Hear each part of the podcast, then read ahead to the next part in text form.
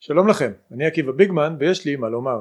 בדרך כלל בשלב הזה אני עושה איזשהו מונולוג עם רוח סאטירית, מתבדח על משהו, מנסה לגעת בדרך צינית בחלק מהנושאים של סדר היום. אני מרגיש שזה לא נכון עכשיו, אנחנו בשעת מלחמה, אנחנו עדיין תחת האבל הכבד וההלם של האסון והמחדל הנורא של השביעי באוקטובר. אה, אני לא מצליח לכתוב טקסט כזה, אני גם לא חושב שזה נכון, ואני רוצה שאנחנו פשוט ניגש ישר לעניינים. אני הכנתי פרק אה, מלא בתוכן, נושאים שעוסקים בלחימה, בלקחים שלנו מהמחדל הנורא, מה צריך לעשות הלאה, זה יהיה בנוי אה, לפי אייטמים, אנחנו נעבור בצורה שיטתית על כמה נושאים אה, שחשובים בעיניי, אנחנו נדבר על האחריות של נתניהו למחדל ומה הוא צריך לעשות עכשיו, כיצד ניתן לשקם את המצב אחרי מחדל כזה, אנחנו נדבר על מטרות המלחמה, מה אנחנו רוצים להשיג בעזה ומה אני מבין שהממשלה מנסה להשיג והאם בכלל זה אפשרי ואיך אפשר להשיג את זה אנחנו נדבר על הכישלון של ההגנה בעוטף עזה ערב האסון של השביעי באוקטובר. כיצד קרה שהגדר הענקית והטכנולוגית שבנינו הפכה בעצם לחסרת חשיבות לחלוטין?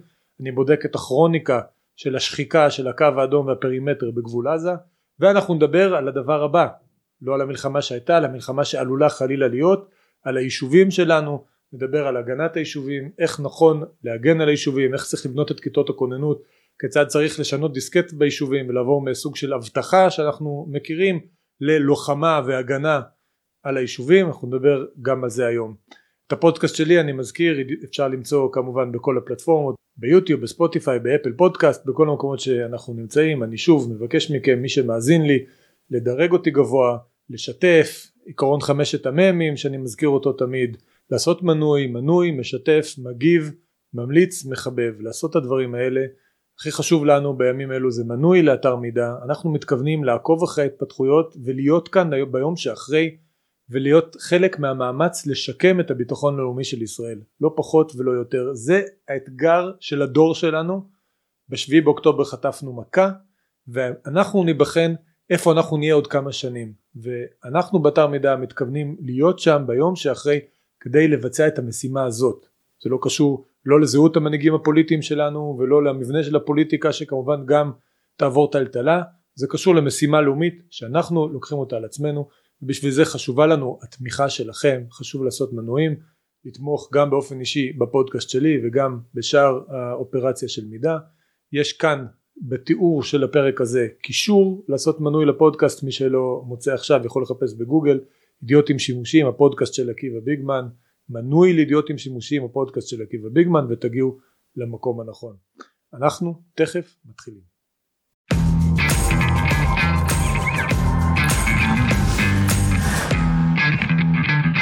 חלק ראשון המצעד קרסה המגננה בעוטף עזה. תראו לצד העדויות המזוויעות מקיבוצי העוטף ובסיסי צה"ל שחושפות את אכזריותם של התוקפים מתפרסמות בימים האחרונות עדויות מזעזעות לא פחות על התנהלותם של כוחות צה"ל. העדויות האלה חושפות את אוזלת היד של המגינים אחת העדויות הקשות מהסוג הזה היא של מפקד מחלקה בשריון שסיפר ברדיו קול ברמה אתמול שהם לא ירו על המוני הפורעים שחצו את הגדר בבוקר השביעי באוקטובר.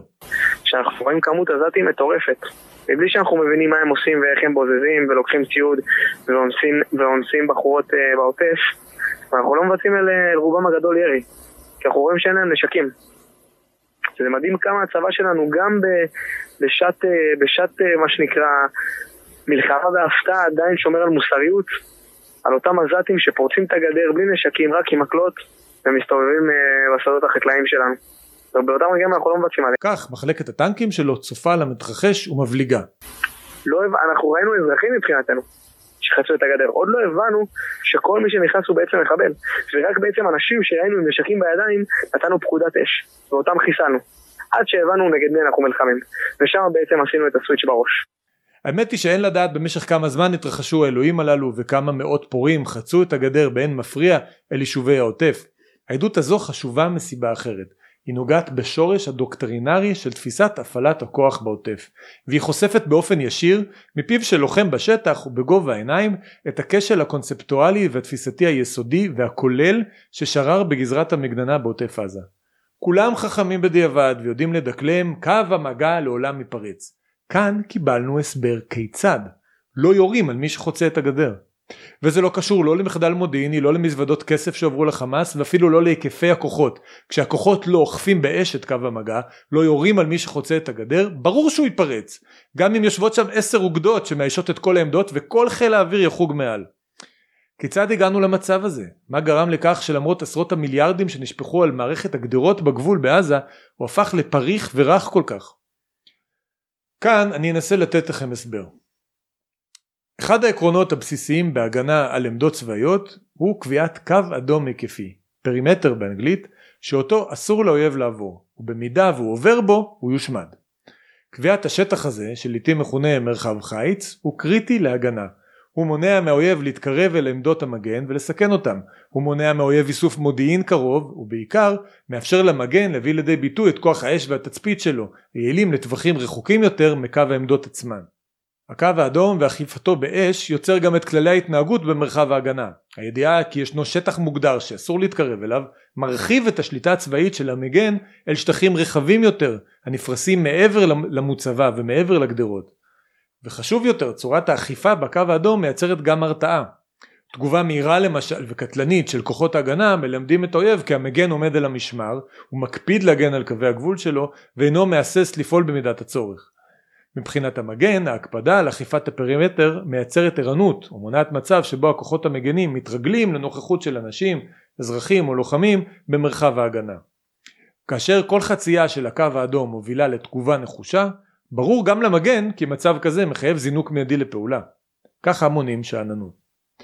כמו בכל גבול צבאי לאורך ההיסטוריה, גם בעוטף עזה הוגדרו קו אדום ופרימטר שאותו אסור היה לאויב לחצות. לפי פרסומים שונים הקו הזה נמשך כ-300 מטרים מהגדר המקיפה את הרצועה ובמתחם הזה צה"ל פעל גם לחשיפת הקרקע, הסרת צמחייה ומבנים ויצירת שטחי השמדה באש ובתצפית. ההקפדה על אכיפת הכללים בקו הזה מנעה התקרבות אל הגדר, מנעה חדירה, מנעה איסוף מודיעין ובעיקר יצרה סוג של ודאות המאשרת הפרדה בין אזרחים בלתי מעורבים לאויבים. כל מי שעבר את הקו האדום שהיה מוכר ומוסבר היטב גם לתושבי הרצועה נחשב אוטומטית לאויב והורחק בירי. העניין הוא שהקו הזה נשחק באופן שיטתי וסדור על ידי החמאס, שניצל את המשפטיזציה הפרוגרסיבית בישראל כדי לאלץ את צה"ל לשנות את הוראות הפתיחה באש ונהלים בגבול. התוצאה הייתה שהותרה כניסת פלסטינים ומפגינים אל מרחב הפרימטר כמעט ללא מפריע, דבר שהוביל הן להתגברותם של אירועים על הגבול בחודשים האחרונים, וגם סייע לחמאס לאסוף מודיעין על הגדר, על אמצעי התצפית, נהלי הביטחון וכדומה. המידע הזה שימש אותו בין היתר לתכנן את המתקפה הרצחנית בשמחת תורה. בחודשים הראשונים של שנת 2018 כבר החלו כתבים צבאיים לדווח על שחיקה באכיפת הפרימטר בעוטף עזה. כך למשל תיאר כתב ynet יואב זיתון את תגובת הכוחות להפגנות המוניות שהחלו באותה עת על הגדר. ציטוט צלפים פרוסים על סוללת אדמה שמעל הגדר וממולם כמה עשרות מפירי סדר שמתקרבים מדי פעם לגדר ומיידים אבנים לכיוונה. ליד הצלפים עומד מפקד הגזרה, לרוב המג"ד או המח"ט המרחבי, הכוחות מבקשים ממנו אישור לירי מדויק על דמות ששוב ושוב מתקרבת לגדר. בתום בחינת המצב, לא ניתן אישור. סוף ציטוט. מתואר כאן שהפלסטינים חוצים ללא מפריע את הקו האדום, נכנסים אל הפרימטר בחופשיות ובכל זאת לא יורים, וגם כשיורים לעיתים רחוקות מאוד ובאישורים מלמעלה, הדבר נעשה בזהירות מוגזמת. שוב ציטוט. הצלפים מונחים לירות לעבר קרסולו של המסית המרכזי כדי לצמצם למינימום את הסיכוי לפגיעה קטלנית. סוף ציטוט. התוצאה אומר זיטוני כי שטח הפרימטר ציטוט לאורך גבול עזה הפך משבוע לשבוע בחודשים האחרונים ליותר המלצה מאשר קו אדום. סוף ציטוט. הוראות הפתיחה באש באוגדת עזה אותן חשפתי בערוץ 14 היו כבר באותה עת סלחניות מאוד ביחס למפגינים.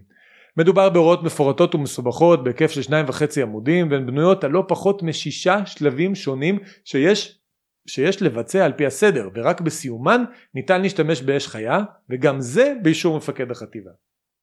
כך נכתב בסעיף שכותרתו הפרת סדר אלימה בשטח עזה או הפרת סדר המאיימת לחצות את המכשול הביטחוני. לאחר שורה של שלבים הדרגתיים הכוללים כריזה, אמצעים לפיזור הפגנות וכדומה, מגיע סעיף הירי ורק לאחר אזהרות וירי לאוויר מותר לבצעו וגם זה תחת מגבלות רבות. ציטוט אם כל האמצעים שהובאו לאל לא הביאו להסרת האיום הנשקף מהפרת הסדר ואין דרך פחות פוגענית להסירו ניתן באישור מח"ט וכמוצא אחרון לבצע ירי מדויק במצב בודד לעבר רגליו מתחת לדרך של מסית או מפר סדר מרכזי אם הירי נדרש באופן מיידי לסרת הסכנה. סוף ציטוט.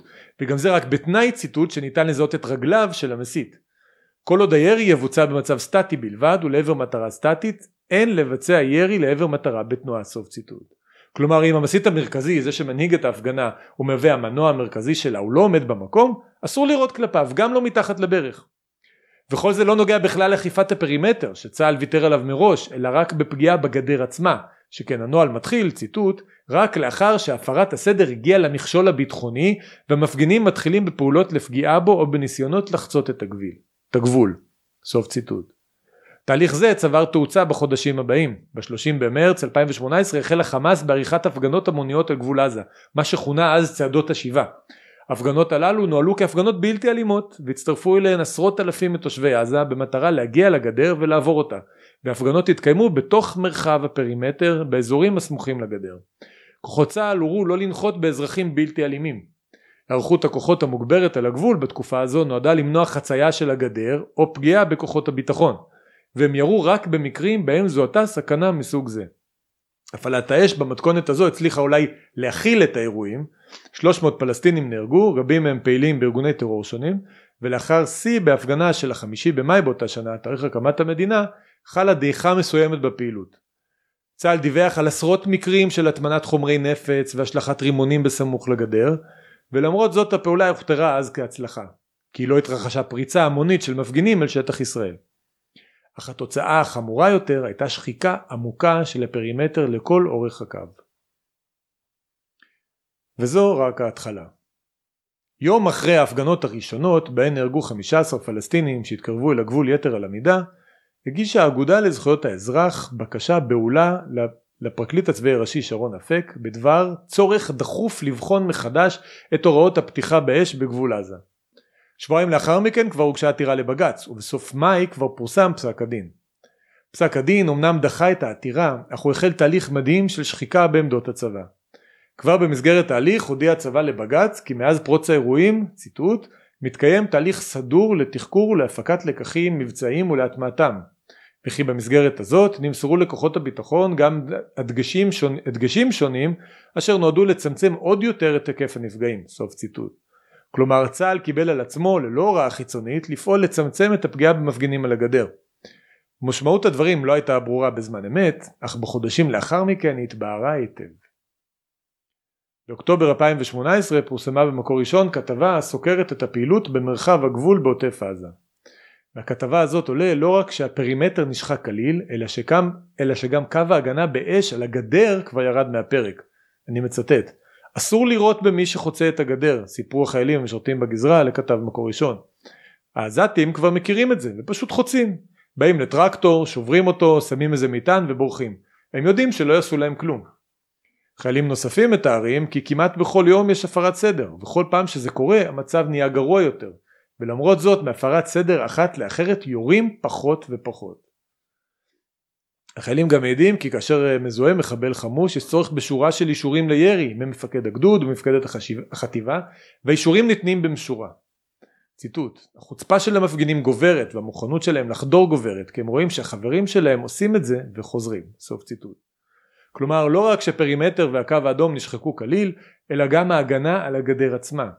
אין ירי על מי שחוצה את הגדר במידה והוא לא חמוש והמתפרעים מנצלים את המצב באין מפריע. לא רק זאת, גם ירי על חמושים בתוך הפרימטר נשחק. בשלב מסוים מותר אפילו לחמושים פעילי חמאס להתקרב עד לטווח של 100 מטרים מהגדר בטענה שהם פעילי ריסון של החמאס שנועדו לרסן את המפגינים ולמנוע מהם לפגוע בגדר. באוגוסט 2019 פרסמה אוגדת עזה פקודות חדשות הקובעות כי הסיווג של חמושים באזור הפרימטר ישונה מאויב מיידי לאויב אפשרי וכי אירועים שונים כמו הפרות סדר אלימות, הפרחת בלוני נפץ ועוד קוטלגו תחת השיח החדש כטרור אפור. השיא בהתפתחות הזו הגיע באירוע מצער בו נהרג לוחם הימ"מ בראל חדריה זיכרונו לברכה באוגוסט 2021 כאשר מחבל חמוש התקרב עד לחומת המיגון וירה באקדח דרך חרך הירי בו התבצר חדריה. היכולת של מחבלים חמושים להתקרב כך אל עמדות הלוחמים היא תוצאה ישירה וחד משמעית של שחיקת הפרימטר וביטולו.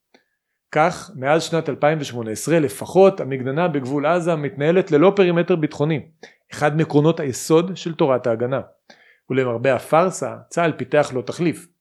במסגרת המכשול העצום שהוקם בשנים האחרונות בגבול הרצועה הקים צה"ל שתי גדרות אחת על קו הגבול, גדר הגבול הישנה המכונה הוברס ואחת נוספת בתוך שטח ישראל המכונה ספארי. המרחב שבין שתי הגדרות במרחק של כמה עשרות מטרים נועד להיות הפרימטר החדש שמי שנכנס לתוכו דינו אה, הוא נענה באש. אלא שמדובר בשטח שכבר נמצא בתוך השטח ריבוני של מדינת ישראל והרוחב שלו הרבה פחות מהנדרש. וכאשר גבול, גדר הגבול החיצונית אינה נשמרת בפרימטר ביטחוני משלה וניתן להתקרב אליה באין מפריע היא נתונה למתקפות וחבלות חוזרות ונשנות. וכך בתקופה האחרונה אנחנו מקבלים דיווחים כל הזמן על פעולות חבלה שביצעו מחבלים בגדר. כך למשל בפברואר 22 עשרות פלסטינים מנעו מכלים הדסים של צה"ל לבצע עבודות חיסוף בסמוך לגדר שנועדו לחשוף מטעני חבלה ולהוריד צמחייה שהפריעה לתצפית. כפי שדווח הצבא ויתר על עבודות באותה נקודה. ציטוט לא היה ברור מה אפשר לעשות הם היו לא חמושים. סוף ציטוט. בספטמבר האחרון פחות מחודש לפני המתקפה הרצחנית על יישובי העוטף פוצצו מחבלי חמאס מטענים רבי עוצמה על הגדר בגזרתה הצפונית באופן שהפתיע את הכוחות בשטח והוכיחו כי למרות התצפיות, למרות האלקטרוניקה והחיישנים, החמאס יכול לקרב לגדר כמויות גדולות מאוד של חומרי נפץ וחופשיות, לפרוץ את המכשול ולהפתיע את החיילים. התפיסה ששחקה את הפרימטר והגבילה את הירי שררה בקרב הכוחות גם בשעות הראשונות של הקרבות במהלך הטבח בשמחת תורה, כפי שהעיד אותו קצין שריון שבדבריו פתחתי. גם כאשר המוני פורעים חצו את הגדר בגזרתם הם לא ירו, כי אנחנו רואים שאין עליהם נשקים הוא אומר. אין גבול, אין פרימטר, אין קווים אדומים, ואיש הישר בעיניו יעשה. לצד השחיקה בפרימטר הביטחוני וביטולו, דבר חמור וחסר תקדים כשלעצמו, עולה גם כשל קונספטואלי עמוק יותר. בכל התקופה הזו החשש של מערכת הביטחון היה שהחמאס ינצל את שחיקת הפרימטר לביצוע חדירה או פיגוע. הדבר הזה עובר כחוט השני בכל ההתייחסויות של מערכת הביטחון בנושא במשך ששת השנים שנזכרות כאן. בדיון למשל בבג"ץ בצעדות השיבה ב-2018 נטען כי יש צורך בירי על המפגינים מכיוון שבחסות הפרות הסדר מתרחשת פעילות חבלנית כמו השלכת מטענים, ירי, ניסיונות חדירה אל העורף וכדומה. בפיצוץ המטענים לפני חודש אמר גורם ביטחוני כי הדבר מסוכן היות והיקף הפיצוץ והנזק לתשתיות יכול היה להוביל גם לניסיון חדירה. אולם לצד האפשרות לביצוע פיגוע נקודתי מסתבר כי החמאס ראה בשחיקת הפרימטר גם יעד כשלעצמו על פי תחקיר ראשוני של צה"ל שחלקים ממנו פורסמו בכלי התקשורת, חקלאים העובדים בסמוך לגדר היו חלק ממערך איסוף המידע של, היו חלק ממערך איסוף המידע של החמאס ובחסות הפגנות שגרתיות על הגדר הוטמנו מטעני חבלה וציוד נוסף ששימש את הכוחות ברגע האמת בפריצה ליישובים. ביטולו של הפרימטר הוביל לכך שגדר הגבול הפכה לקו המגע עם האויב ואפשרה לו להתארגן ולהתכונן כמעט בחופשיות בכל המרחב שסמוך לה. במקום שהגבול יהיה מרחב חיץ המאפשר עומק, גמישות והתראה לכוחות המגנים, הוא הפך לקו דק של מכשול. ובמקום שפריצה לישראל תהיה אתגר צבאי עוסק בשאלות של התקדמות תחת אש והתמודדות עם כוחות הגנה נחושים, היא הפכה לאתגר טכני במהותו. כיצד לפרוץ גדר, איך לנטרל תצפיות וכדומה. לאתגרים טכניים תמיד מוצאים פתרונות טכניים. את התוצאות העגומות אנחנו כבר מכירים. אם ישראל רוצה להשתקם מהמצב הזה ומהמצב הקשה שהתגלה ברצועה הדבר הראשון שצריך לשקם זה חזרה לעקרונות המלחמה חזרה לעקרונות ההגנה לאכוף את הפרימטר שלנו גם בגבול עזה החדש וגם בגבול לבנון. ברגעים אלו ממש הגבול בלבנון מתנהל באותו, באותה צורה. אזרחים עיתונאים כביכול מסתובבים שם חופשי. לדבר הזה צריך לשים סוף. הגבול של מדינת ישראל הגבול הריבוני שלה הוא גבול עם קווים אדומים אוכפים אותו באש וזה דבר שאפשר להתחיל לעשות אותו כבר עכשיו, כבר היום. לא צריך מבצע גדול, לא צריך להסלים את כל הזירה, לא צריך להיכנס למלחמה, אה, למלחמה אזורית עם, עם חיזבאללה ועם כולם. אפשר להתחיל לאכוף את הפרימטר, וזה אחד הלקחים הכי חשובים.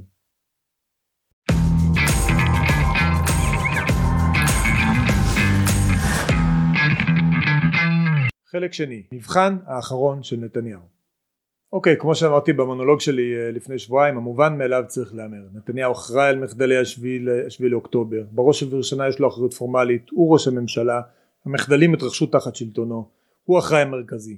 לא יעזרו פה תירוצים גם אם שירותי המודיעין הסתירו ממנו מידע או שמערכת הביטחון פיתחה דוקטרינות שגויות או שהייתה שבויה בקונספציה הוא ראש הממשלה והוא אחראי גם לפקח על המערכות שתחתיו במידה והוא הזניח את התפקיד הזה וכך כנראה היה האחריות מוטלת גם עליו האחריות מוטלת עליו גם בגלל שהוא היה שותף לחלק מהקונספציות האלו כמו למשל תפיסת ההכלה והמגננה הטכנולוגית בגבול העוטף דבר שאנחנו נדבר עליו בהמשך והניסיון לחיות לצידו של החמאס. אלו הנחות היסוד של הדיון. נתניהו אחראי אבל מה עושים הלאה? נטילת אחריות מצידו, מצידם של נבחרי ציבור אין פירושה בהכרח הדחה או חקירה. לנבחרי ציבור יש תפקיד מנהיגותי בעיתות משבר. גם כאשר הם שותפים לכשל ונושאים באחריות הם אלו שמוטל עליהם להוביל את השינוי שיכול להוביל לניצחון. ההיסטוריה מלאה בדוגמאות למנהיגים פוליטיים שכשלו לקחו אחריות על המחדל והצליחו להביא להיפוך הגלגל ולהפוך כישלון לניצחון. אולם היפוך גורלות מהסוג הזה לא קורה מעצמו. הוא לא נוצר מהודעות דוברות או מנאומים לאומה. הוא מחייב ניקוי יסודי של המערכות הדחה של המפקדים וראשי המערכות האחראים לכישלון יצירתה של אסטרטגיה ותרבות, ותרבות אה, ביטחונית חדשה זה התפקיד שמוטל כעת על נתניהו. ומעבר למחדלי מתקפת הפתע של השביעי באוקטובר הוא ייבחן גם ובעיקר בתגובתו לאירועים. כדי להבין מה צריך לעשות וכיצד אנחנו שתי אירועים מרכזיים של היפוך של מחדלים צבאיים מתקפת הפתע לפרול ארבו בדצמבר 1941 וכישלון המלחמה בעיראק בשנים 2003 עד 2006 נתחיל מהדוגמה הראשונה רוזוולט ומתקפה על פרל ארבור המתקפה היפנית על בסיס הצי בפרל ארבור בהוואי בשביל לדצמבר 1941 הגיעה בהפתעה מוחלטת. האמריקנים אמנם חששו מפני תקיפה של הבסיס מפקד הצי הקודם אפילו הודח מפני שהוא התנגד להוצאת הצי מבסיס האם שלו בסן דייגו בקליפורניה וריכוזו בבסיס הקדמי בהוואי אבל אפילו הוא לא חזה את היקפה של ההתקפה ואת התוצאות הקשות שלה. מה שהאמריקנים חששו ממנו זה פשיטות קטנות יותר מתקפות צוללות או השתלטות יפנית על האי וייק מערבה יותר מהוואי בכלל הסיכוי שפשיטה עצומה כזאת תקרה בלי שהמודיעין האמריקני או חיל האוויר שלו ידע מזה נתפס כנמוך עד אפסי. מפקד הצי בהוואי האדמירל אוסבנד קימל ששימש כמפקד הצי הפסיפי הבין את הסיכונים שבעמדה הזו אבל הוא הרגיע את מפקדיו בטענה ציטוט שאנחנו נוקטים באמצעים המיידיים כדי לצמצם את הנזק שיגרם וכדי להבטיח שהכוח התוקף ישלם מחיר כבד סוף ציטוט המציאות הוכיחה כמובן את הטעות וכשקימל צפה מהחלון בצי שלו מושמד הוא הסיר בעצמו את דרגותיו והבין שעליו ללכת הביתה. הקונספציה של רוזוולט שהובילה למתקפת הפתע הייתה שניתן להרתיע את היפנים מלתקוף את ארצות הברית ונכסיה וכי ניתן לאכוף עליהם למתן את התוקפנות שלהם באמצעים רכים כמו חרם על ייצוא נפט למשל. הצי הועבר על העמדה הקדמית בהוואי בדיוק למטרה זו להרתיע את היפנים ולבטא את רצינות, רצינותה וכוחה של אמריקה הקונספציה הזו כמובן כשלה כליל. במקום להירתע היפנים ראו כאן הזדמנות למתקפת פתע קטלנית והשתמשו באמצעים שונים כדי להטות את האמריקנים. הניסיון להכיל את היפנים קרס בתמרות עשן יחד עם עיקר כוחו של הצי במערב. רוזוולט לקח אחריות מיידית על הכישלון אך במקום להתפטר כפי שהיו מי שציפו ממנו הוא פעל להכין את ארצות הברית למלחמה. המשק הועבר למתכונת חירום הצבא הכפיל את גודלו פי, ארבע, פי 40 עד סוף המלחמה ופחות מחצי שנה לאחר מתקפת הפתע הצי האמריקני הנחיל ליפנים הפסד אסטרטגי בקרב מידווי. כדי להגיע לשם רוזוולט היה צריך לעבור בדרך הקשה. ראשית, הדחות. עשרה ימים לאחר המתקפה הודח מפקד הצי הפסיפי אדמירל האסבנד קימל ובמקומו מונה צ'סטר נימיץ שפיקד על הצי באוקיינוס השקט והוביל אותו לניצחון. נימיץ ארגן מחדש את הצי, התאים את עצמו לעידן נושאות המטוסים והלוחמה הימית החדשה והצליח כאמור תוך חצי שנה להנחיל ליפנים הפסד חשוב בקרב מרכזי.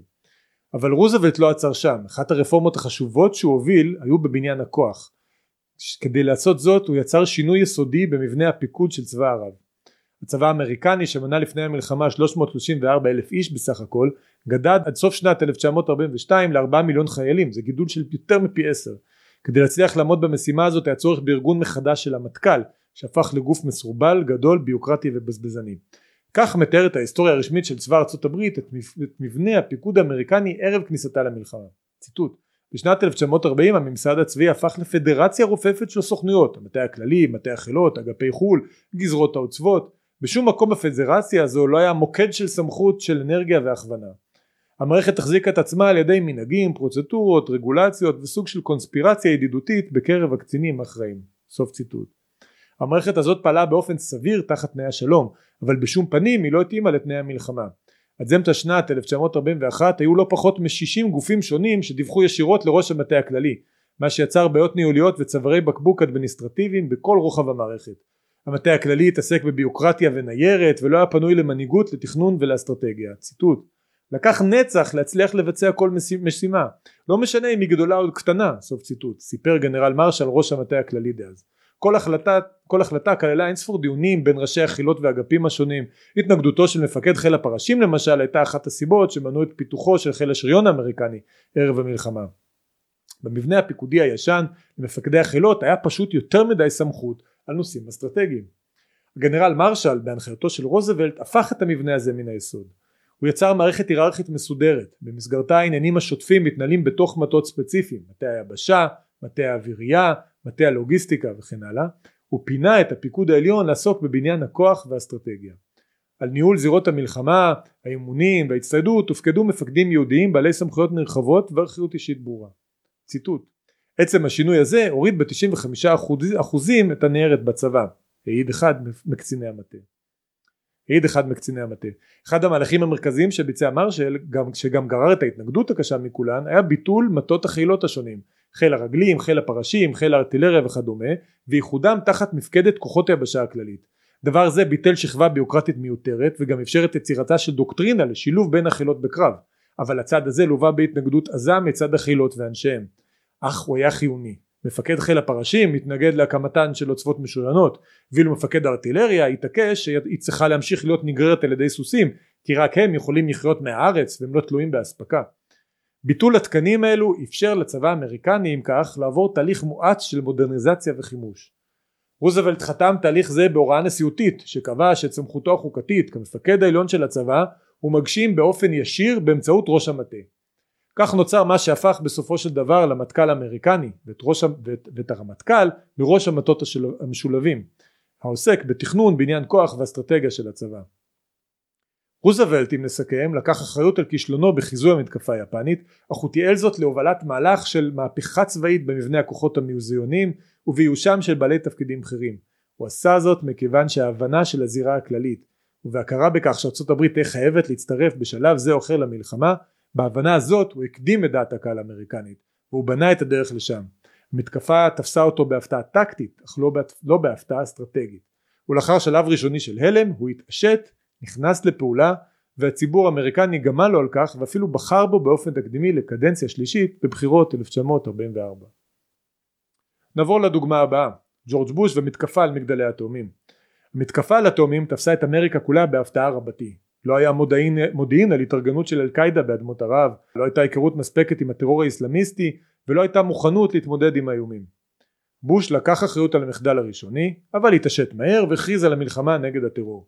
ב-30 באוגוסט 2001 ארצות הברית כבר יצאה למלחמה נגד הטליבן באפגניסטן וב-19 במרץ 2003 היא פתחה במלחמה נגד עיראק במטרה להביס את סדאם. בשני המקרים השלבים הראשונים בלחימה התנהלו בהצלחה רבה. פלישה לאפגניסטן ארכה כ-40 יום עד להשתלטות מלאה על הערים החשובות ורוב השטח ואילו הפלישה לעיראק ארכה קצת פחות מחודש כאשר ההשתלטות על בגדד והתפוררות הצבא העיראקי הסדיר הושגה תוך עשרה ימים בלבד ניצחון מזהיר המפתח להצלחה היה הדוקטרינה הצבאית של דונלד רמסל שהתבססה על כוחות מהירים וקלים הנשענים על כוח אש אווירי מסיבי ועל עליונות טכנולוגית ומודיעינית זה נשמע לכם מוכר? ההצלחה של הכוחות האלה הייתה מסחררת בשלבים הראשונים אולם הצבא האמריקני לא היה בנוי למה שהגיע בהמשך.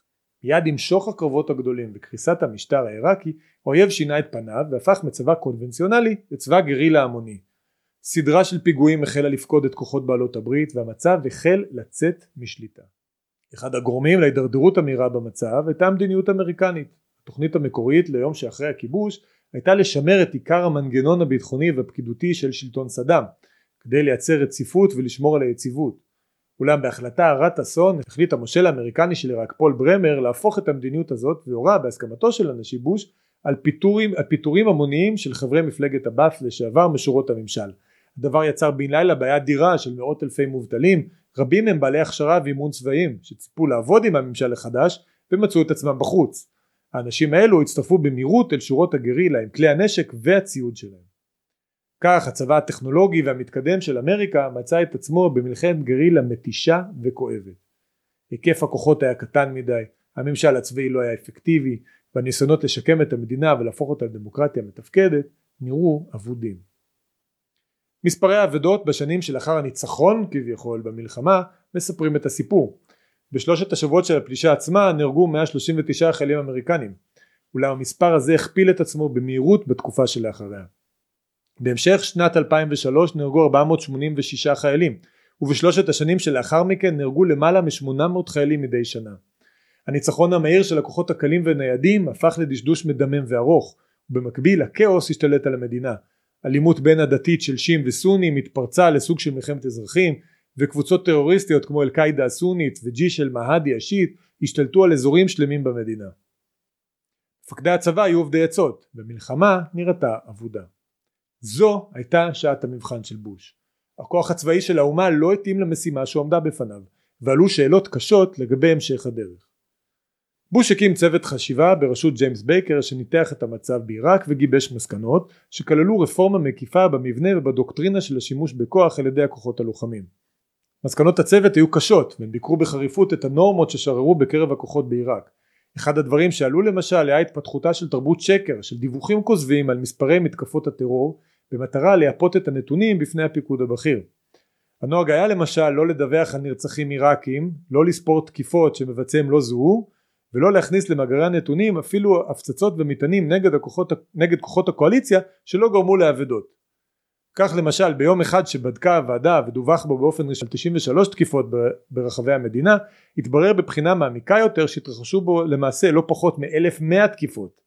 ציטוט קשה לבצע מדיניות טובה כאשר המידע הרשמי נאסף בצורה מסולפת כדי שהוא לא יסתור את ידי המדיניות שהוגדרו מסכם הדוח עוד דווח בדוח הזה על היעדר מודיעין, פערים עצומים בהצטיידות הצבא ותמיכה של צבא ארצות הברית במשטר, במשטרה ובצבא העיראקים, היו חוסרים בלתי נתפסים בדוברי ערבית, מתוך אלף דוברי הש... עובדי השגרירות האמריקנית בבגדד רק 33 דיברו את השפה ורק שישה דיברו ערבית ברמת שפת אם. כתוצאה מעבודת הוועדה וגורמים ביקורתיים אחרים מחוץ לממשל, כמו חוקרי מכון American Enterprise השמרני, הודיע בוש בינואר 2007 על שינוי במדיניות העיראקית, במה שנודע בשם דרך חדשה קדימה שנועדה לחזק את כוחות הביטחון העיראקיים לייצר ביטחון עבור התושבים ויציבות במדינה וחיזוק הגורמים השותפים במלחמה נגד אל קאידה. הרפורמה כללה גם שינוי במבנה ובצורות התפקוד של הכוחות הלוחמים האמריקניים ובראש ובראשונה כללה הדחה והחלפה של המנהיגים הכושלים. כל שורת ההנהגה הבכירה האמריקנית הרלוונטית לעיראק הוחלפה באופן מהיר. מפקד פיקוד המרכז, מפקד פיקוד המרכז הוחלף, ראש הממשל הצבאי הוחלף, והחשוב ביותר מפקד כוח המשימה בעיראק ובמקום ג'ורג' קייסי הכושל מונה דיוויד פטראוס לשעבר מפקד הדיווידיה המוטסת המאה ואחד שהצליח לייצב את הביטחון בעיר מוסול בשנים הראשונות למלחמה. המאמץ החדש, המאמץ החדש כלל הרחבה של הכוח הלוחם והגדלתו מ-15 בריגדות ל-20, תוספת כוללת של כ-20 אלף חיילים שנועדו להתפרס במאבק נגד הגרילה וגיוסם מחדש של עשרות אלפי שוטרים וחיילים לשעבר מצבא סדאם ושילובם בכוחות הביטחון המקומיים.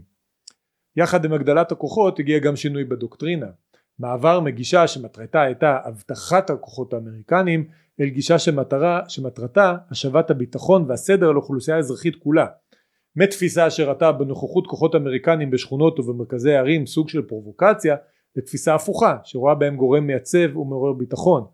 מדוקטרינה שהורתה לכוחות אמריקנים להישאר מכונסים במתחמים מבוצרים לכזו שדחקה בהם הפוך להתפרס במרכזי האוכלוסייה. מעל הכל המעבר מגישה הגנתית ביסודה להתקפית שדגלה בהעברת הלחימה באופן יזום אל הטריטוריות בשליטת הגרילה. המהלך הצליח בצורה יוצאת מן הכלל בכל מדד אפשרי מספרי ההרוגים ירדו בתלילות, בתוך חודשים ספורים היו הנמוכים ביותר מתחילת המלחמה. ביוני 2008 דיווחה מחלקת ההגנה האמריקנית כי המוגנות הביטחונית הפוליטית והכלכלית בעיראק ממשיכה כי המגמות הכלכלית הפוליטית והביטחונית בעיראק ממשיכות להיות חיוביות. המהפך שהוביל בוש בתוצאות המלחמה בעיראק היה משמעותי ועם חילופי השלטון בשנת 2008 הוא העביר לממשל אובמה מדינה יציבה ובטוחה יותר עם ממשל מתפקד ובעל פוטנציאל. ממשל אובמה שינה כמובן מדיניות, את מדיניות המזרח התיכון באופן דרמטי ומתחילת הכהונה אובמה הצהיר על סיום המלחמה בעיראק, על החזרת הכוחות וצבא ארצות הברית נסוג בעיראק באופן מלא עד סוף שנת 2011. ההמשך ידוע, עיראק נפלה טרף למיליציות דאעש ונכנסה למלחמה ארוכה וכואבת. קשה לדעת מה היה עתידה של המדינה אם דוקטרינת בוש פטריאוס הייתה ממשיכה תחת ממשל רפובליקני נוסף. ככה או ככה המטרה המטרה שלי בדקות האלה לא. היא לא לבחון את המדיניות של בוש במזרח התיכון או לשפוט את נחיצותה והצלחתה של מלחמה בעיראק. זה נושא לדיונים ארוכים וחשובים אחרים. העניין כאן היה לבחון את היכולת של מנהיג להפוך מלחמה, מלחמה כושלת למוצלחת ואת התנאים הנדרשים לביצוע. דוקטרינת דרך חדשה קדימה עם הרפורמות ההדחות והמינויים החדשים שהיא הובילה הוכחה בהחלט כמוצלחת וזו דוגמה טובה מאוד ללמוד ממנה בהיסטוריה הצבאית יש עוד לא מעט דוגמאות למנהיגים שהצליחו להפוך כישלונות להצלחות ולמרות, ולמרות תנאי נחיתות והפתעה אסטרטגית יצאו כשאדם על העליונה ניתן למנות ברשימה הזאת את הנשיא טרומן שכמעט הפסיד את מלחמת קוריאה לאחר מתקפת הנגד המפתיעה של הסינים בנובמבר 1950 בעיצומו של המשבר הוא הדיח את מפקד הזירה גנרל מקארתור ומינה תחתיו את מאפיו ריג'ווי שהצליח לייצב את המצב ולהביא לסיום המלחמה כזה היה גם נשיא הברית אברהם לינקולן שהחליף לא פחות מארבעה מפקדים עליונים בצבא האיחוד עד שגנרל גרנט ניצח במלחמה. גם בישראל התופעה הזאת מוכרת אם כי בצורה לא רשמית ישראלית טיפוסית. במהלך מלחמת יום כיפור למשל מונה הרמטכ"ל לשעבר חיים בר-לב כנציג המטכ"ל במפקדת פיקוד דרום במה שהיה בעצם סוג של הדחה לא רשמית של אלוף הפיקוד גורודיש. במלחמת לבנון השנייה מונה נציג דומה שיפקח על אלוף פיקוד הצפון אודי אדם. גם מבצע חומת מגן אולי ההצלחה המבצעית האחרונה של צה"ל התרחש לאחר שמפקד אוגדת איו"ש הכושל הוחלף במפקד אוגדה חדש ולאחר שאריק שרון עקף את הרמטכ"ל ואת אלוף הפיקוד ושוחח ישירות עם המח"טים בשטח ששכנעו אותו לבסוף שניתן ורצוי לכבוש את ערי הגדה. למפקד האוגדה הכושל דרך אגב שהוחלף קראו בני גנץ. החלפת מפקדים תוך כדי לחימה היא קריטית להצלחה משלוש סיבות. ראשית יש כאן עניין עקרוני ישנה חשיבות שמי שתחת אחריותו מתרחש מחדל בסדר גודל כזה ישלם גם מחיר אישי. זה מייצר תרבות של אחריות ואמינות שהיא חלק בלתי נפרד מהמקצועיות בתפקידים האלו. שנית נושא הקונספציה. האנשים שאחראים על המחדלים בדרך כלל גם אשמים בהם. מחזיקים בתפיסות שגויות שבויים בקונספציות ואין להם את היכולות הנדרשות לבצע משהו אחר. את מה שהם יודעים לעשות הם כבר עשו וזה היה גרוע ולא הצליח. ושלישית אולי חשוב מכל מניעת שיקולים זרים מי שאשם במחדל עלול לפעול משיקולים זרים תוך ניסיון לתאר את שמו לתקן את הקלקולים או להוכיח שהוא לא אשם. הדבר האחרון שצריך במערכת קבלת ההחלטות בתוך משבר זה מישהו שעסוק בגאולה עצמית או בקמפיין לתיאור המוניטין. זה מתכון לשיקולים זרים ולהחלטות שגויות. היכולת של דמוקרטיות להחליף מפקדים וראשי מערכות תוך כדי לחימה היא מקור הכוח שלהם. היא מאפשרת את השינוי הנדרש לאחר כישלון מייצרת רוויזיה בבניין הכוח והופכת למקור של אנרגיה חדשה ודוקטרינה חדשה בדיקטטורות בין המבנה המשטר מבוסס על איזונים בין קבוצות אינטרסים ובעלי כוח הכל פרסונלי. ובעלי התפקידים הבכירים הם קשים להחלפה. בדמוקרטיות זה הפוך. המשטר מתבסס על אחריות כלפי העם. שום דבר לא צריך להיות פרסונלי ולא צריך לתת דין וחשבון לאיש מלבד לציבור. וכשזה עובד כהלכה דמוקרטיות מנצחות. זהו מבחנו הנוכחי של נתניהו. הוא אחראי על מחדלי מתקפת הפתע של השביעי באוקטובר מכוח תפקידו והוא גם נושא באשמה על חלקים מהקונספציה שהובילה לשם.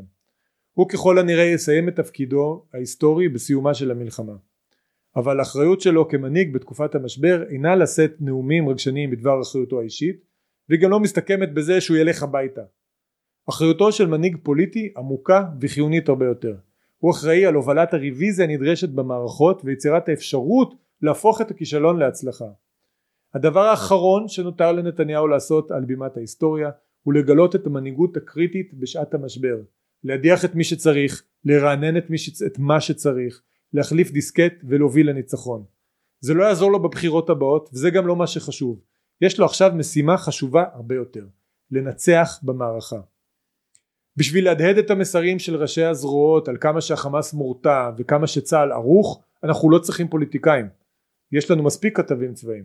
הפוליטיקאים והמנהיגים שלנו שם כדי להפעיל מנהיגות נחושה זהו המבחן של נתניהו, זה מה שאנחנו מצפים ממנו, את המנהיגות הנחושה הנדרשת בשעת משבר. ועל סוג המנהיגות הזה אנחנו גם נשפוט אותו.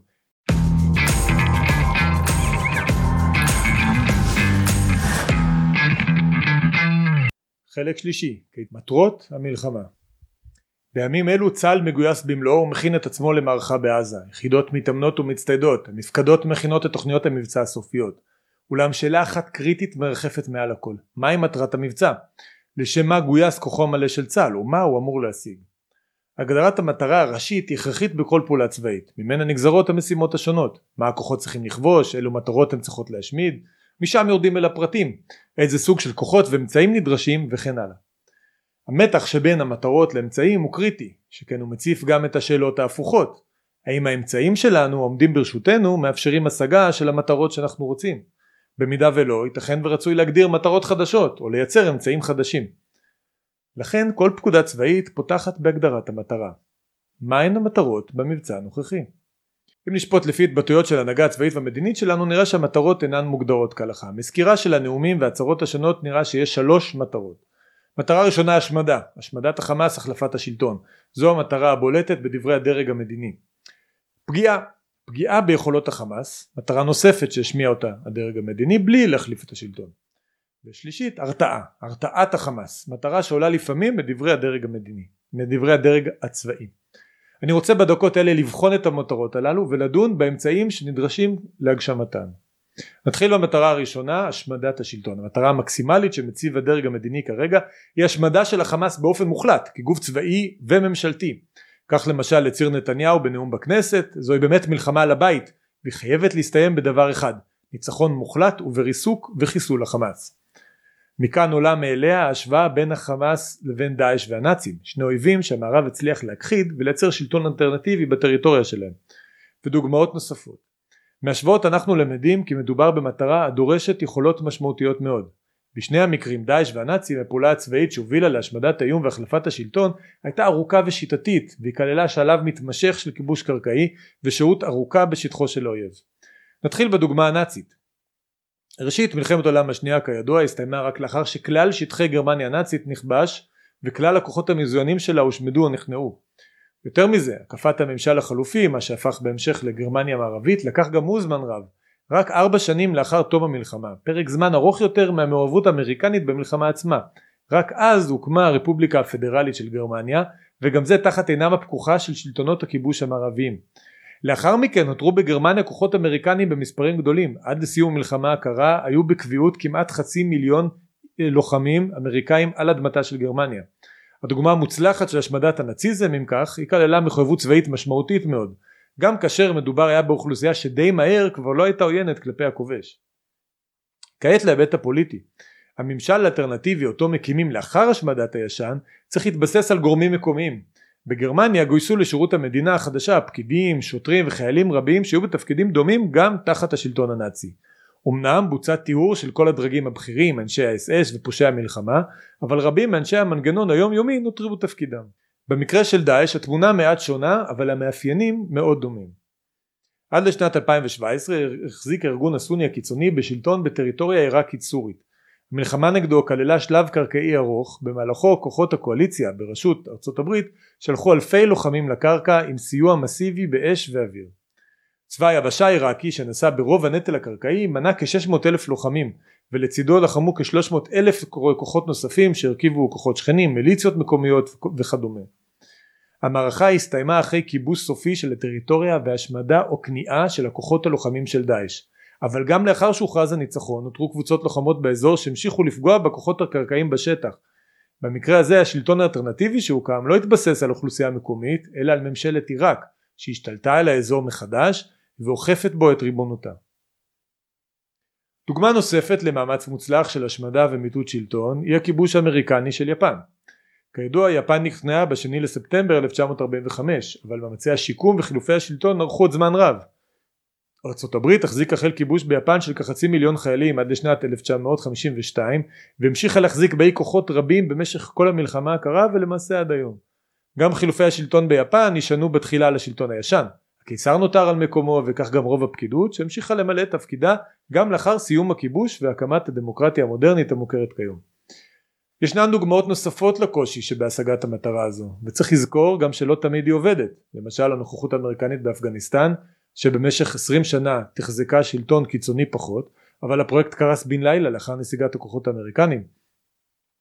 או למשל הניסיון שלנו בלבנון השורה התחתונה היא שהשמדה כוללת שהשמדה כוללת חילופי שלטון דורשת מחויבות ארוכת טווח כיבוש מתמשך נוכחות צבאית, מתמדת של הכוח המערבי שיכול להגן על המשטר החדש שהוא תמיד יהיה שברירי בהתחלה האם פניה של ישראל למהלך כזה בעזה? מהי אזרחית שלגביה אפשר בכלל לבנות שלטון חילופי שם הרי ספק אם אש"ף שמאז ומתמיד היה נטע זר ברצועה ספק אם הוא בכלל רלוונטי והאם יש באוכלוסייה המקומית שדרת הנהגה שאינה חמאסית? תזכרו תמיד שחמאס זכה בבחירות האחרונות שהתקיימו שם ברוב וב-18 שנות, שנות שלטונו האחיזה שלו באוכלוסייה רק התחזקה. מטרה נוספת שעלתה מדבריו של ראש הממשלה בימים, בימים הראשונים למערכה היא פגיעה קשה בחמאס. כך אמר בהצהרה הראשונה שלו בליל השביעי באוקטובר. נקם בהם עד חורמה ננקום בהם על היום השחור הזה שהם עוללו למדינת ישראל ולאזרחיה. את כל המקומות שהחמאס נערך בהם של עיר הרשע הזאת כל המקומות שהחמאס מסתתר בהם פועל מתוכם נהפוך אותם לאיי חורבות תרגום של אמירה כזו למטרה צבאית יכול להיות בשני אופנים הראשון פגיעה משמעותית ביכולות האויב במטרה להחליש אותו בלי קשר לשאלת היום שאחרי או טיב השלטון הפוליטי שישרור בטריטוריה. השני יכול להיות פגיעה ביכולות האויב על מנת להעביר מסר של נקמה שנועד גם לחזק למעשה את ההרתעה. ההבדל בין השניים נוגע בטיב המטרות הנבחרות פגיעה ביכולות תכלול פגיעה משמעותית בתשתיות, אמצעי הלחימה, מוסדות, מחנות צבאיים, המנהרות וכן הלאה לצד פגיעה בשדרת הפיקוד שלו מבצע המתוכנן לשאול מחמאס יכולות מסוימות יכול למשל להגדיר כיעד השמדת אחוז מסוים מן האמל"ח הרקטי, פגיעה בכך וכך מנהרות כפי שהייתה מטרת החלק הקרקעי של מבצע צוק איתן, או סיכול רמה מסוימת של בכירים בארגון וכן הלאה. מנגד מבצע המתוכנן למטרות הרתעה ונקמה יתמקד יותר בחיסול חשבונות עם האישים הרלוונטיים ויראה בהרג בכירי הארגון או בשביעתם את השגת המטרה. מבצע נקמה למשל יכול גם להרחיב את הפעולות אל מעבר לים על מנת לחסל את בכירי הארגון במדינות אחרות כמו שהיה מבצע זעם האל במסגרתו חוסלו בכירי ספטמבר השחור שהיו אחראים לטבח הספורטאים במינכן. בשל אופיו של ארגון טרור והחשיבות שיש לבכירי הארגון כחלק מהתשתית הצבאית שלו גם פעולה מהסוג הראשון המכוונת לפגיעה ביכולות תנסה לפגוע כמה שאפשר בבכירי הארגון. פעולה צבאית להשגת מטרת פגיעה ביכולות אינה חייבת בהכרח להיות אווירית בלבד אפילו להפך יכולת הפצצה מרחוק להשמיד תשתיות היא מוגבלת ולא פעם יש צורך בכניסה קרקעית לטיהור השטח. מחיר פעולה מסוג זה עלול להיות גבוה והתועלת שבו ביחס למתקפה אווירית היא שאלת המפתח בהחלטה אם לצאת לפעולה קרקעית באיזה היקף וכדומה. יש לנו דוגמה למבצע שנעשה עם מטרה דומה מבצע חומת מגן. למרות שהיו לו מטרות פוליטיות יותר רחוקות ברמה הטקטית הוא השיג את התוצאה הזו. הרשות הפלסטינית והחמאס ביהודה ושומרון הוחלשו. צה"ל החזיר את השליטה לשטחי A ו-B והוא פועל בהם בחופשיות עד היום. המציאות הזו מונעת מהטרור ביהודה ושומרון להתפתח לממדים אליהם הוא הגיע בעזה ובדרום לבנון. היתרון במטרה מהסוג הזה זה שהיא שמרנית באופייה. אין לה יומרה לשנות את המסגרת הפוליטית התרבותית של היריב. היא לא מנסה להשפיע על מנגנון קבלת ההחלטות שלו יהיה אשר יהיה זה ששולט בעזה ביום שאחרי המלחמה הוא חלש יותר ופגיע לפשיטות צבאיות נוספות כך שפחות חשוב מה יהיו הדעות שלו והשאיפות שלו ואפילו לא ממש חשוב אם הוא מורתע. בשלב זה של המערכה טרם נפתח המבצע הקרקעי צה"ל פועל בדפוס מסוג זה חיל האוויר מבציץ באינטנסיביות את תשתיות החמאס ופועל לסכל את ראשי הארגון. מטרה נוספת שעולה מדברי המנהיגים היא הרתעה. חיזוק הרתעה כמטרת המבצע עולה מדבריו של הרמטכ"ל. עזה לא תיראה אותו הדבר. אנחנו נגיע למצב בו מי שהנהיג את עזה יוכה קשה, נפרק אותו. ומי שיישאר שם יבין היטב שדבר כזה לא עושים למדינת ישראל. אלו דברים שגם נמסרו לכתבים בתדרוכים, כפי שדיווח למשל מואב ורדי. היעד הוא להכריע את חמאס, כלומר לגרום לו שלא תהיה לו יכולת ומוטיבציה לפגוע בישראל. ויחד עם זאת, אומרים הגורמים, חשוב שהציבור בישראל לא יהיו אשליות שהולכים להשמיד את חמאס. מאז מבצע דין וחשבון בשנת 1991, צה"ל אימץ לעצמו מטרה צבאית חדשה. השבת השקט ויצירת הרתעה. זה נושא לדיון ארוך, אך בניגוד למלחמות בתקופה הקלאסית שכללו שלב עיקרי של השמדת כוחו הצבאי של האויב ופגיעה ביכולותיו, במבצעים האלו צה"ל מנסה לדלג על שלב ההשמדה הנרחבת ולפעול באופן ישיר כלפי תודעת האויב, כדי שיבין שלא כדאי להתעסק עם ישראל ולא יפעל. רון טירה מנה שישה מבצעים שנולדו תחת הלוגיקה הזאת בעשורים האחרונים דין בחשבון ב-93, ענבי זעם ב-96, לבנון השנייה 2006, עופרת יצוקה 2008, עמוד ענן 2012 וצוק איתן 2018. אנחנו יכולים להוסיף לרשימה גם את שומר חומות ב-21 ועוד כל מיני סבבים ומבצעים קטנים יותר שאיש לא טורח לזכור את שמם, עלות השחר, חגורה שחרה, מגן וחץ ועוד. בכל הסבבים והמבצעים האלו המטרה הישראלית הייתה כמעט זהה השבת השקט והחזרת ההרתעה.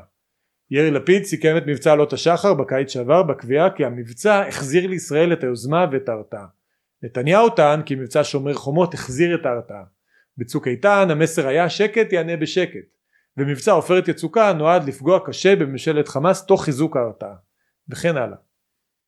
ההרתעה אמנם הייתה מאז ומתמיד חלק מתפיסת הביטחון של ישראל אבל יש הבדל גדול הרתעה במקור לא הייתה המטרה הצבאית של המלחמות ההנחה הייתה כי לאחר שהאויב יושמד ושטחו ייכבש התוצאה תהיה גם יצירת הרתעה המטרה הצבאית הייתה כיבוש והשמדה. ההרתעה הייתה תוצר לוואי פוליטי.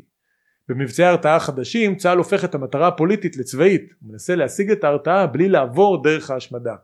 מפציצים מתוך בנק המטרות שחלקן סמליות בהסלמה הדרגתית. בסיום המערכה האויב בדרך כלל מחזיק ברוב היכולות הקודמות או שהוא יכול לשקמן במהירות מפני שהתשתית הבסיסית שלו לא נפגעה. למרות פגיעה בנכסים מסוימים כמו המטרו שהופצץ בשומר חומות או מנהרות שהושמדו בצוק איתן הארגון כארגון ממשיך לתפקד וחוזר להתעצם. הבעיה בתזת ההרתעה היא שקשה מאוד לאמוד אותה. השמדה ניתן לכמת.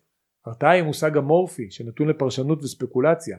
היא נוגעת למוטיבציות היריב, לתודעתו, להקשרים הפוליטיים והאישיים שבהם הוא פועל וכדומה. אין באמת דרך לדעת אם אויב מורתע. למרות זאת צה"ל השקיע במשך השנים ביצירת מערכים כמו המרכז לחקר התודעה וגופים אחרים שנודעו לעשות בדיוק את זה להבין כיצד לגרום לאויב לשנות את דעתו וערכיו. הפיכת ההרתעה למטרה הצבאית מכניסה את הספקולציה האנתרופולוגית לתוך חדר המבצעים ומשבשת את הכל. איזה בניין שנפציץ ירתיע את החמאס? איזה מתקן ביטחוני שיושמד יהיה הקו האדום שלאחריו הם לא ירצו לתקוף יותר? האם יש בכלל דבר כזה? התשובה היא כנראה שלא. דוקטרינת סבבי ההרתעה הפכה למלכודת לתוכה אנחנו נפל. חמאס הבין שאנחנו רוצים לחשוב שהוא מורתע והוא שיחק אותה מורתע. בחלק מהסבבים האחרונים הוא הגיב באיפוק, הוא לא נכנס למערכה במבצע שהיה נגד הג'יהאד האיסלאמי, הוא יצר את כל האינדיקציות שגרמו לגופי המודיעין שלנו כמו אהרון חלבה לחשוב שהוא מורתע. ובכך אנחנו השלינו את עצמנו. זה לא שחמאס היה מורתע זה שאנחנו היינו פתאים. בהצהרה שנשא שר הביטחון גלנט ממש בשבוע שעבר עולה כי ההשמדה הטוטלית נבחרה כמטרת המערכה כרגע מבוצעות לדבריו פעולות שתכליתם השמדת פעילים ופגיעה בתשתיות לשם מיטוט והשמדת החמאס ולאחר מכן יגיע שלב של יצירת משטר ביטחוני חדש ברצועת עזה נראה אם כן כי ההנהגה המדינית שלנו נוטה לאמץ רטוריקה של השמדה טוטאלית כמטרת המערכה בעוד שבצבא ממשיכים לדבר כנראה לפי הכשרה, ההכשרה שלהם והתודעה שלהם על הרתעה. במצב כזה יכול, להיות, יכול מאוד להיות שדווקא מטרת הביניים פגיעה מסיבית ביכולות היריב בלי היומרה להחליף את השלטון ולשנות סדרי עולם היא המטרה העדיפה ויכול מאוד להיות שבפועל זה מה שיקרה.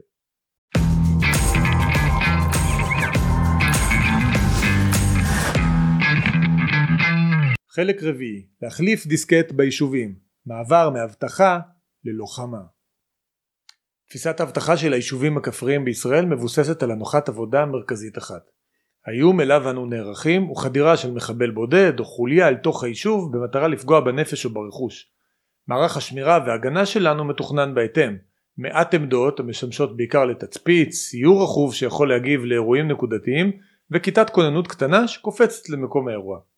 אירועי השביעי באוקטובר מלמדים אותנו כי יש תרחיש ייחוס הרבה יותר חמור שאליו אנחנו בכלל לא ערוכים מתקפה כוללת על היישוב. במסגרת הזאת יכול להגיע ליישוב כוח של עשרות מחבלים או כנופיות חמושות מקרב ערבי ישראל לפעמים מכמה כיוונים. אפילו אם רק חלקם חמושים מערכי ההגנה הקיימים לא ערוכים לקראתם. צריך לחשוב מחדש על היישוב כזירת קרב וזו חשיבה שונה מאוד. בשל כך אנחנו ביצענו ביישוב שלי בכפר יתמים בימים האחרונים רוויזיה לתוכניות ההגנה שלנו. הבנו שכדי להיערך לאיום מהסוג הזה שכבר אינו בלתי אפשרי יש צורך בשינוי תפיסת ההגנה ביישובים הכפריים ממודל של אבטחה למודל של הגנה מאיום של חדירה ליישוב להתקפה על היישוב לשם כך בחנו מחדש את תוכניות השמירה והאבטחה ביישוב ובנינו תוכנית שתיתן מענה לאיום החדש אני רוצה לשתף אתכם במעט לקחים ומחשבות על ההתאמה הנדרשת שרלוונטית בעיקר ליישובים אבל גם לחלק מהשכונות בערים המעורבות.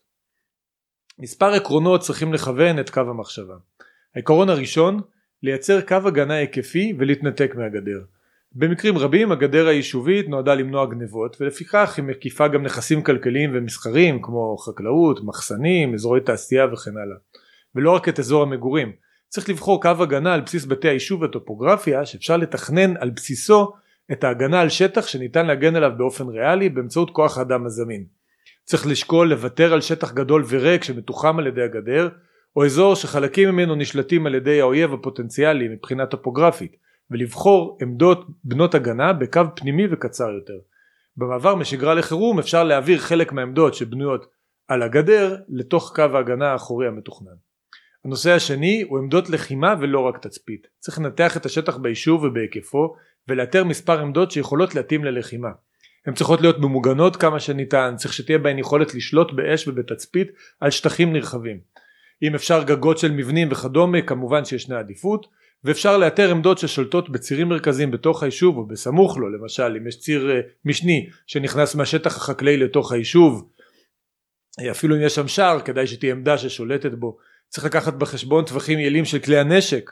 טווח של M16 מקוצר הוא לא עובר את 200 המטרים למשל. אז עמדה שרואה מאוד רחוק אבל לא יכולה לראות היא לא רלוונטית ודבר נוסף צריך לבטא, לבצר עמדות מתוכננות מראש. אחרי שמנתחים את השטח מגדירים את קו ההגנה ובוחרים את עמדות הלחימה צריך לבצר אותם כמה שאפשר. אפשר לשים בטונדות חומרי בניין כמו בלוקים חלקי מדרכה ודברים מהסוג הזה שאפשר להזיז אותם באמצעים פשוטים לא צריך איזשהו בינוי אפשר אה, מלגזה או מחפרון קטן שנמצא בהרבה יישובים לעשות צוללות עפר. צריך להשתמש באמצעים האלו על מנת לשדרג ולבצר את עמדות הלחימה הנבחרות לפעמים אפשר להסתפק בחומות גגות של בתים ודברים מהסוג הזה שער הכניסה ליישוב אחד הלקחים מהאירועים בעוטף עזה הוא שמקרים שבהם השער היה סגור הקשה על המחבלים להיכנס ליישוב. במקרה של התפתחות אירוע ביישוב שלכם צריך קודם כל לנטרל את השער ולוודא שהוא לא נפתח על ידי חייגן אוטומטי וכדומה.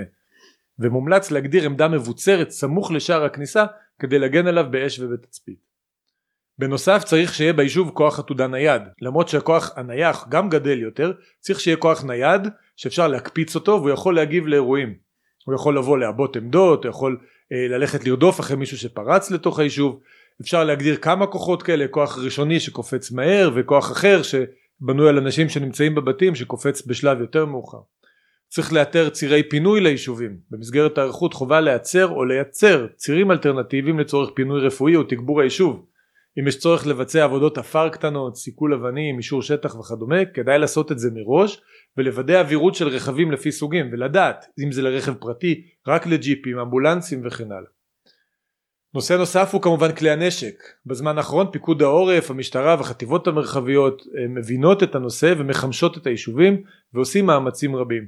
אתם צריכים לוודא שרכזי הביטחון ביישובים שלכם פועלים כהלכה, דואגים להצטיידות הנדרשת ודואגים לקחת את כל מי שיודע לתפעל נשק שיתנדב ויצטרף אה, לכיתת הכוננות.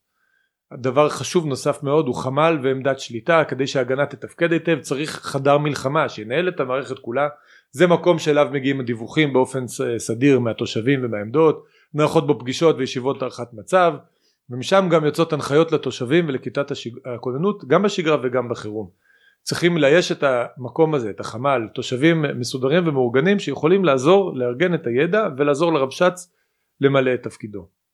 החמ"ל הוא מאוד חשוב, כדאי גם שיהיה לכיתת הכוננות איזה שהם אמצעי קשר, יש אפליקציות אה, לטלפון שאפשר להשתמש בהם אה, ואם לא אפליקציות לטלפון הכי טוב לקנות מכשירי קשר פשוטים, יש דברים שאפשר לקנות באמזון אה, שמגיעים די מהר, אלינו הגיעו אה, כמה אמצעים כאלה צריך שתהיה יכולת לכוח הכוננות לתקשר אף אחד לא יוכל להקליט הודעות תוך כדי אה, אירוע אף אחד לא יוכל לעשות שיחות ועידה או שיחות טלפון צריך שיהיה איזשהו אמצעי לתקשר במקרה של חירום.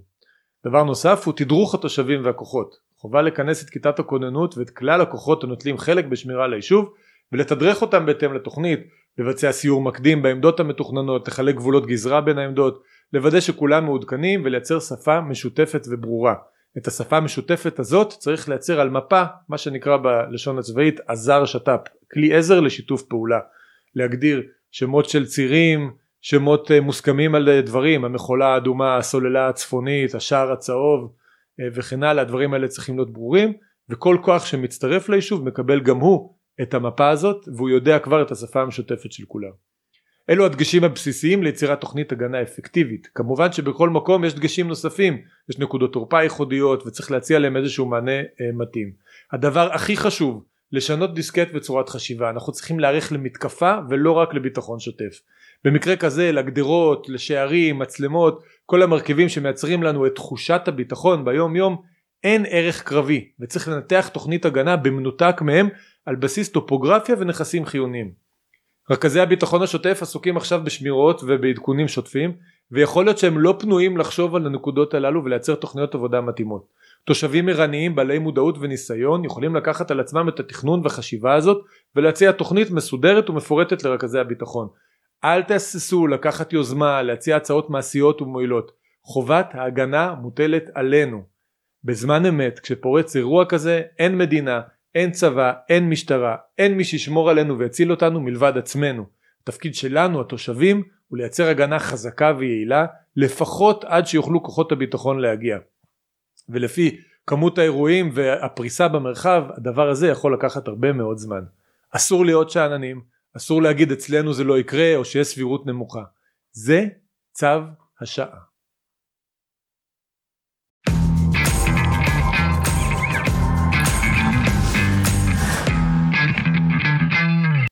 תודה רבה לכם שהייתם איתי בפרק הזה של אידיוטים שימושיים אנחנו היום התעסקנו במלחמה ובאתגרים הלאומיים שעומדים בפנינו. אני מזכיר לכם אפשר למצוא אותנו בכל הפלטפורמות גם ביוטיוב גם בספוטיפיי גם באפל פודקאסט. אנחנו באתר מידע ואני באופן אישי מכוונים להתעסק בגורמים למחדלים ובבעיות ההומוק שיש במערכות שלנו גם עכשיו וגם ביתר שאת אחרי המלחמה. מי שמעוניין לתמוך במאמץ הזה אני מזמין אתכם לעשות מנוי לאידיוטים שימושיים אפשר לחפש את זה בגוגל או למצוא קישור בווידאו הזה כאן למטה. תודה רבה לכם על התמיכה תודה רבה לכם על ההאזנה. אני מאחל לכולנו ימים טובים ושלווים ושהמלחמה הזאת תעבור בשלום ואנחנו ניפגש שוב בפרק הבא. להתראות